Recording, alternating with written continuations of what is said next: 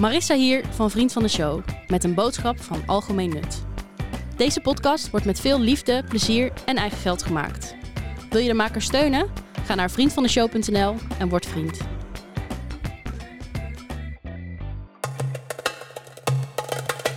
Hoe stelt de Indonesische regering zich op in de oorlog tussen Rusland en Oekraïne?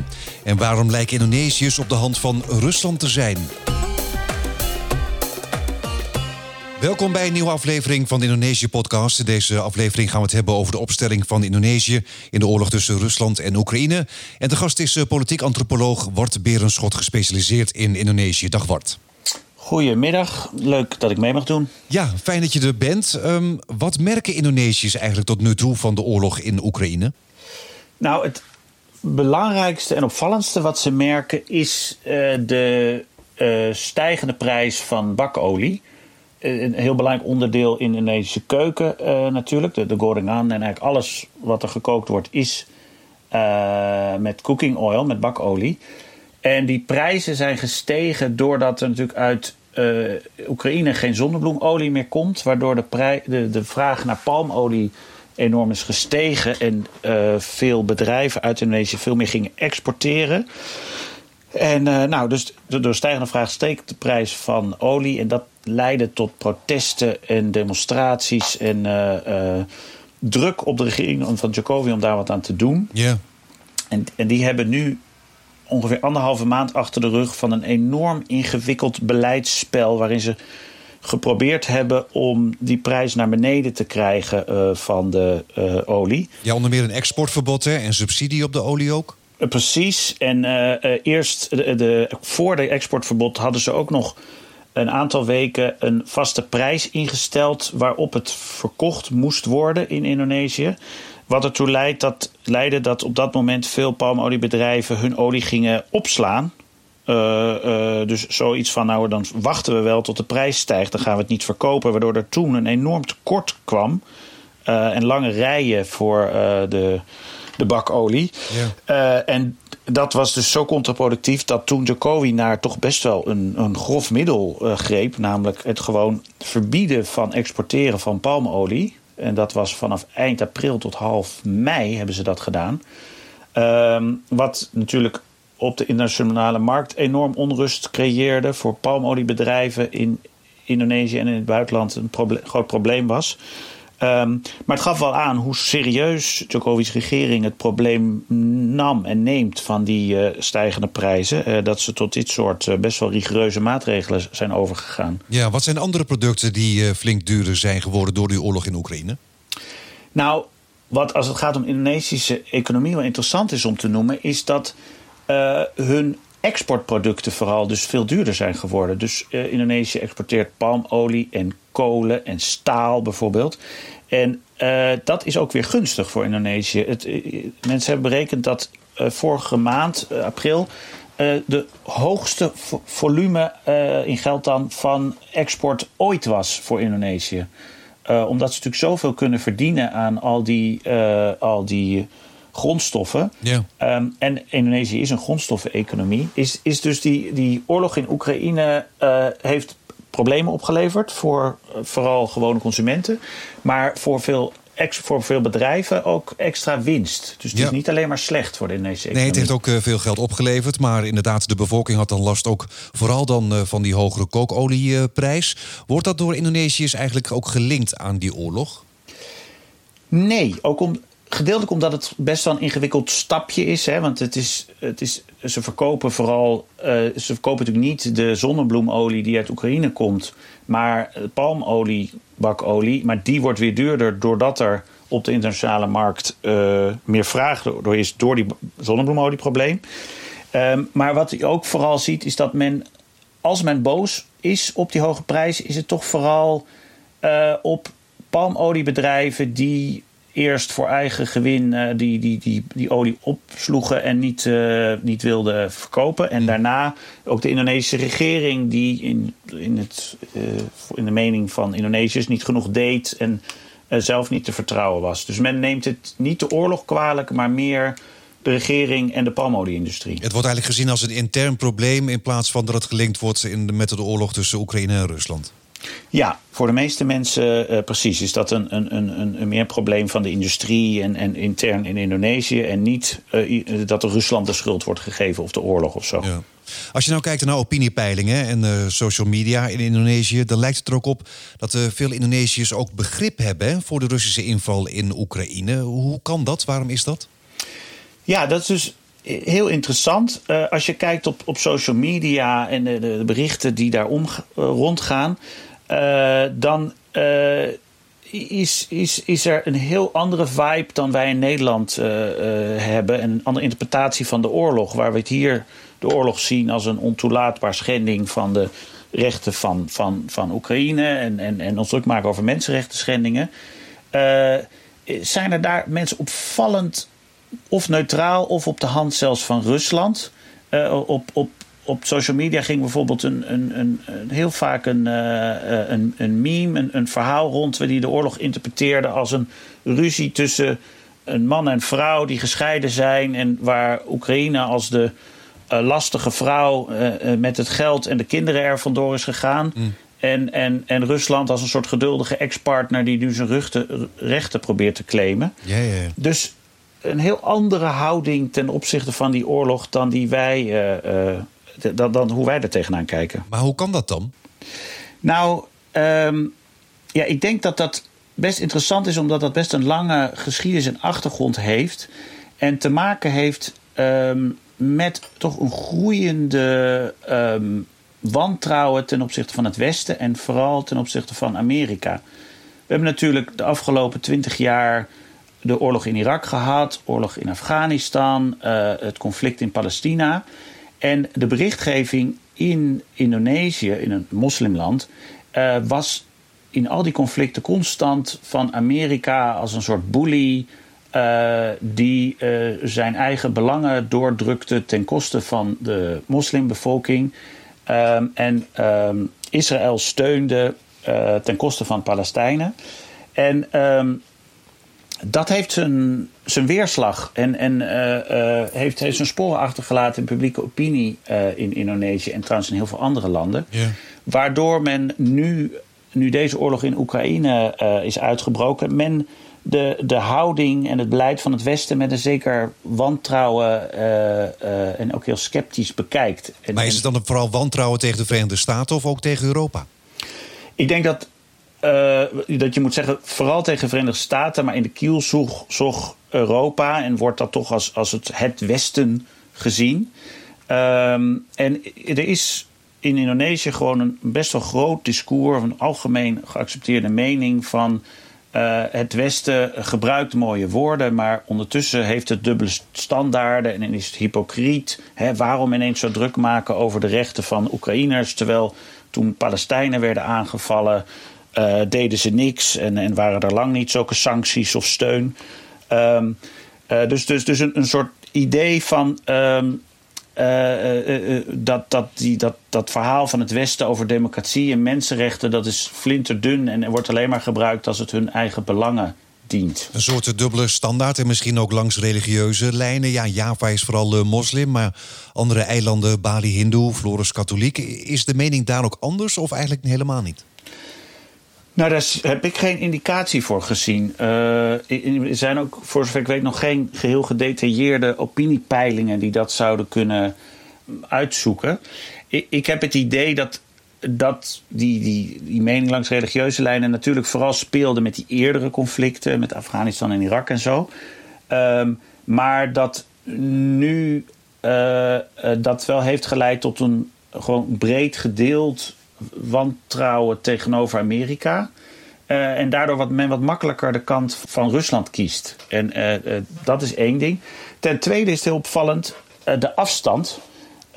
ook hier in Nederland in de media praten we wel eens over dat als een conflict verder weg is, dat je er minder mee identificeert. Ja. Viel mij op toen ik ook in Indonesië was. Ik was daar in, in maart, toen die oorlog net was uitgebroken. Uh, en dan hadden we het daarover natuurlijk. En dan was het echt altijd zo: voor wie ben je? Oekraïne, Rusland. Uh, uh, dan werd het heel neutraal als twee partijen gezien die daar die, die gewoon een, een, een, een partijtje aan het uitvechten waren, zeg maar. Mm -hmm. um, en dat heeft ook te maken met de interpretatie van die oorlog in de media en door opinieleiders. Die zien die oorlog toch niet zozeer tegen Oekraïne en Rusland, maar meer tussen het Westen en de NAVO aan de ene kant en Rusland aan de andere kant. Dus een bijna een soort koude oorlog-interpretatie van wat er daar eh, in Oekraïne nu gebeurt. En daar komen dus de, ja, de belangen van Oekraïne zelf, of het leed dat daar wordt geleden, is dan meer een soort collateral damage wat lang niet zoveel aandacht krijgt als het, als het wat hier bij ons krijgt. Nee, het is een beetje ver van mijn bedshow en uh, daardoor is het ook niet echt een issue. Ja, ja men ziet het, dat die, die, uh, zo, zoals wij het, ons juist heel erg identificeren met het leed van Oekraïners. Uh, ja, zie je dat veel minder. Valt ook op in opinieartikelen in kranten dat het heel weinig gaat over goh, de vluchtelingenstroom of de, uh, hoe het leven van mensen in, in, in vlucht in, uh, in bunkers of, of, of, of, of het aantal doden. Echt een soort meer. De beschrijvingen zijn meer zo geopolitiek van goh, de strijd tussen twee blokken op het wereldtoneel. Ja. Indonesië is natuurlijk ook 32 jaar geregeerd door uh, dictator uh, Suharto. Ja, soms hoor je nog wel eens mensen terugverlangen ook naar een sterke man, strenge leider. Is het dan ook zo dat, dat Poetin ook wordt gezien als die sterke man? En die sterke man misschien wel die in opstand durft te komen tegen Amerika? Nou ja, je, je ziet wel zeker, ja, hoor je wel geluiden dat, dat Poetin populair is vanwege ja, dat, dat, dat sterke manachtige imago dat hij heeft er zijn mensen die zeggen dat ja, Indonesië de laatste jaren is een bepaalde uh, illiberale neiging te zien. En ook een steun voor de sterke man. Het was een van de redenen die we toen werd aangedragen voor de opkomst van Probowo. En het, het feit dat uh, hij in uh, bijna de verkiezingen won in 2014. Ja, presidentsverkiezingen. de presidentsverkiezingen toen. Ehm, dus er is zeker een bepaalde bepaalde bewondering voor de sterke man. En, en ook denk ik wel het, het opstaan tegen het Westen is iets wat dus gezien die eerdere geschiedenis die ik zei, wordt bewonderd of gewaardeerd. Maar ja, dat moet ik ook nuanceren, want tegelijkertijd is het niet zo, blijkt uit alle opiniepeilingen, dat Indonesiërs uh, per se een, uh, uh, klaar zijn met democratie of, of, of, een, of, een, of, of een het soort autoritair uh, bewind zouden willen wat Poetin uh, in Rusland heeft. Dus dat is dubbel. Men is wel, Indonesiërs zijn toch wel vrij democratisch, blijkt altijd uit opiniepeilingen. Toen de oorlog eind februari begon, noemde de Indonesische regering de oorlog in een verklaring onacceptabel. Toch werd Rusland in die verklaring niet bij name genoemd. In de Veiligheidsraad steunde Indonesië wel een resolutie waarin werd opgeroepen tot het terugtrekken van de troepen en werd de inval ook veroordeeld. Maar toch, het is allemaal heel voorzichtig, hè, de reactie van Indonesië. Waarom is dat? Ja, je ziet dat Indonesië probeert een soort neutrale tussenpositie in te nemen. Ehm, en eigenlijk is dat een hele oude traditie in de, in, in de Indonesische buitenlandse politiek. Uh, Indonesië is al, was in 1955 een van de leiders van de, wat toen heette de niet gebonden landen. Uh, en, en organiseerde toen de, beroemd geworden Bandung-conferentie, waar dus landen die zich toen niet in de Koude Oorlog wilden kiezen voor de kant van het, het, zij het Westen of Rusland. Dat was in de jaren 60, hè? Ja, ja, ja, die bandenconferentie is in 1955. En daarna werd dat een soort beweging van, van niet gebonden landen. Um, en sinds uh, de val van Suharto en sinds dat Indonesië een democratie werd in 1998, zie je dat, dat, dat Indonesië vaak zo'n soort uh, tussenpositie graag wil blijven spelen uh, op, de, op het internationale toneel. Ik heb wel eens uh, analisten dit compulsieve neutraliteit willen noemen. Dat het, het, uh, het maakt niet uit wat het issue is, men wil graag neutraal zijn. Mm. Um, en dat is uh, heel duidelijk ook nu het beleid van Djokovic's regering. aan de ene kant wel de oorlog afkeuren. Uh, maar zich niet heel hard tegen Rusland willen uitspreken. Ze hebben wel uh, in de Veiligheidsraad toen die resolutie gesteund, die, die, die Ruslands acties afkeurde. Maar hebben uh, voor de rest verder zich in vrij zachte bewoordingen over die oorlog uitgelaten. Ja, maar als je bijvoorbeeld geopolitiek kijkt, hè, naar de inval werd ook met argusogen gekeken naar hoe China zou reageren. ja, de Verenigde Staten in Europa nemen het voortouw in de sancties tegen Rusland. Ja, Indonesië is denk ik ook niet gebaat bij een sterkere VS of, of, of een sterk China. Ja, nou dat is dus een interessant geopolitiek vraagstuk waar ik in, in, in, in deze kranten nog niet zo heel veel over heb gezien. Over uh, uh, het, feit dat Indonesië geen, eigenlijk geen belang heeft bij een sterk China. Uh, Indonesië heeft, is, is in een soort van conflict met China verwikkeld rond de Zuid-Chinese zee. Want China claimt daar territorium een stuk zee en wil de vissers laten vissen op gebied wat Indonesië ook claimt. En uh, een sterker China betekent daar dus een, een zwakker Indonesië. En, en, je zou dus kunnen redeneren dat mocht Rusland slagen in die oorlog, uh, dat China zich ook gesterkt zal voelen om, om, om haar claims uh, in Zuidoost-Azië sterker te laten gelden. Ja. Um, maar dat is tot nu toe niet een, een heel duidelijke overweging of een, een, een strategische keuze van de Jokowi-regering. Nee, en bij verlies een sterke Verenigde Staten, is Indonesië daar ook bang voor? Nou, de publieke opinie uh, uh, is dus, nou, laten we zeggen, cynisch ten opzichte van Amerika. En, en, en zouden het stiekem volgens mij wel leuk vinden om Amerika het verzwakt te zien. Maar als het gaat om geopolitieke overwegingen, denk ik dat een officieel gezien presenteert de regering zich altijd als neutraal en ziet het zich niet angstig of positief ten opzichte van een sterker Westen uh, na deze oorlog, denk ik. Nee, veel Russen zijn ook in de coronapandemie naar Indonesië gekomen, vooral op uh, Bali. Hè. Daar stikt het uh, van de Russen op dit moment. Indonesië wil ook meer investeringen vanuit Rusland binnenhalen. Het Indonesische leger heeft nog overwogen om Russische wapens aan te schaffen. Kan dat ook nog een rol spelen in die toch voorzichtige opstelling? Ja, nou ja, Indonesië is natuurlijk het land waar de Russen nu, nu nog naartoe kunnen. En heel veel landen kunnen ze niet meer. Dus dat zal ook nog uh, uh, toenemen.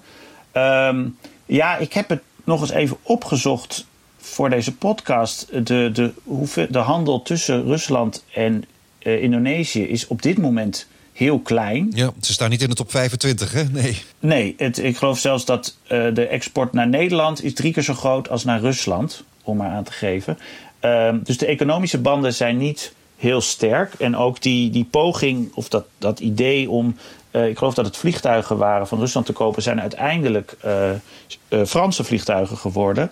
Dus die banden zijn nu nog niet heel sterk. Ehm, en ook economisch gezien veel sterker met het Westen op, op dit moment. Dus ik verwacht, ik denk zelf niet dat economische redenen een rol spelen bij deze semi-neutrale rol die Indonesië wil spelen in dit conflict. Ik denk meer dat het zichzelf ziet als uh, dat juist die neutrale rol innemen op het wereldtoneel, dat ze daar echt iets constructiefs, iets positiefs kan bijdragen. Dat is gewoon een heel oud uh, paradigma, kan je zeggen, van de buitenlandse politiek van Indonesië. Dat het, dat het tussen verschillende partijen moet laveren en niet kant, kanten moet kiezen. Ja, in november is op Bali de G20. Indonesië in de, organiseert het uh, dit jaar. Um, president Jokowi die heeft zowel uh, Poetin als uh, Zelensky uitgenodigd. Ja, maakt deze oorlog het ook ingewikkeld voor Indonesië om die G20 te organiseren? Ja, en dat gaat heel interessant worden, denk ik, om dat te volgen hoe Indonesië die G20 gaat aanpakken. En een eerste schot voor de boeg kreeg Indonesië wat dat betreft vorige maand toen er een meeting was van de G20 in Washington.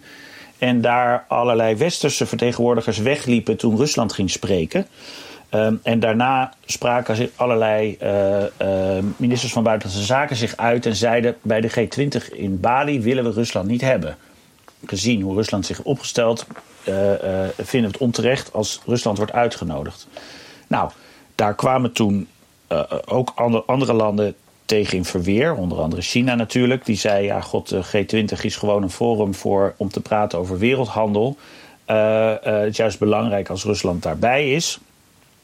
En toen moest Indonesië natuurlijk als, als, als organiserend land ook een kant kiezen of in ieder bepalen wat het ging doen.